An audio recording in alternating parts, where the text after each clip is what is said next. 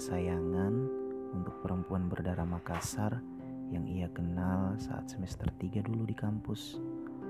Sebenarnya nama Bi itu pertama kali tercetus oleh sang perempuan untuk si laki-laki. Entah enggan menyebut nama atau seperti apa, setidaknya Bi menjadi milik mereka berdua. Laki-laki yang dulu sangat selektif saat ingin dekat dengan wanita kala itu kini mulai terbuka.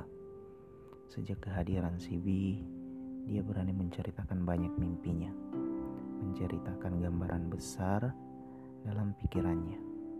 Hampir setiap hari mereka bertemu, hampir setiap saat mereka saling menyapa di aplikasi WhatsApp. Beberapa kali si laki-laki sering mengantarnya saat pulang kuliah dengan motor bebek tua miliknya. Tak ada kecanggungan selama wanita itu duduk manis tepat di belakangnya.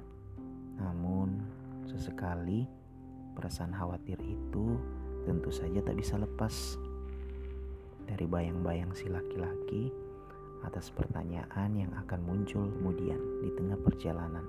Udah berapa wanita yang kamu bonceng? Ada motor lain gak selain motor ini? Untungnya wanita ini berbeda. Pertanyaan yang semula ditakutkan hadir, gak ada tuh. Hal ini menjadi sinyal positif dan pertanda baik bahwa wanita itu menerimanya apa adanya. Suatu hari, si laki-laki dikejutkan dengan info dari si wanita itu sendiri bahwa ia dilarikan ke UGD di salah satu rumah sakit akibat asmanya yang kambuh. Sebuah gangguan pernafasan yang ia alami beberapa tahun belakangan.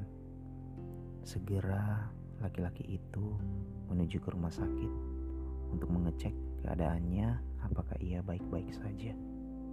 Di sana mereka tidak bercerita banyak hal. Laki-laki hanya memandanginya berharap bahwa ia cepat pulih juga dari orang sekitarnya laki-laki itu mengetahui bahwa asma yang dialami si wanita ini susah untuk ditebak kapan datangnya.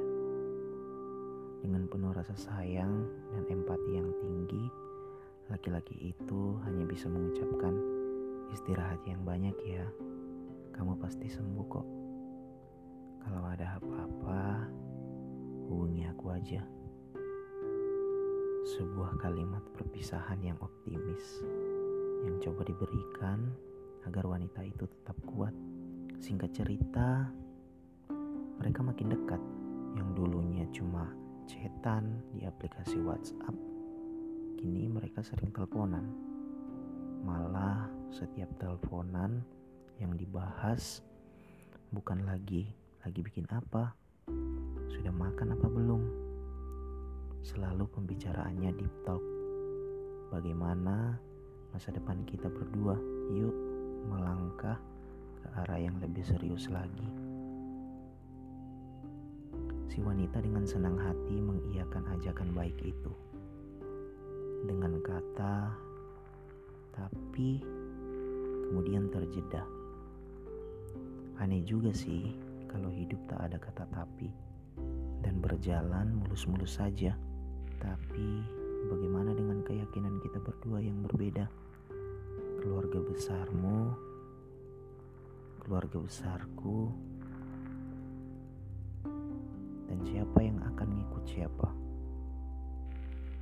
Sontak, laki-laki itu menghela nafas panjang untuk cinta yang tak seiman.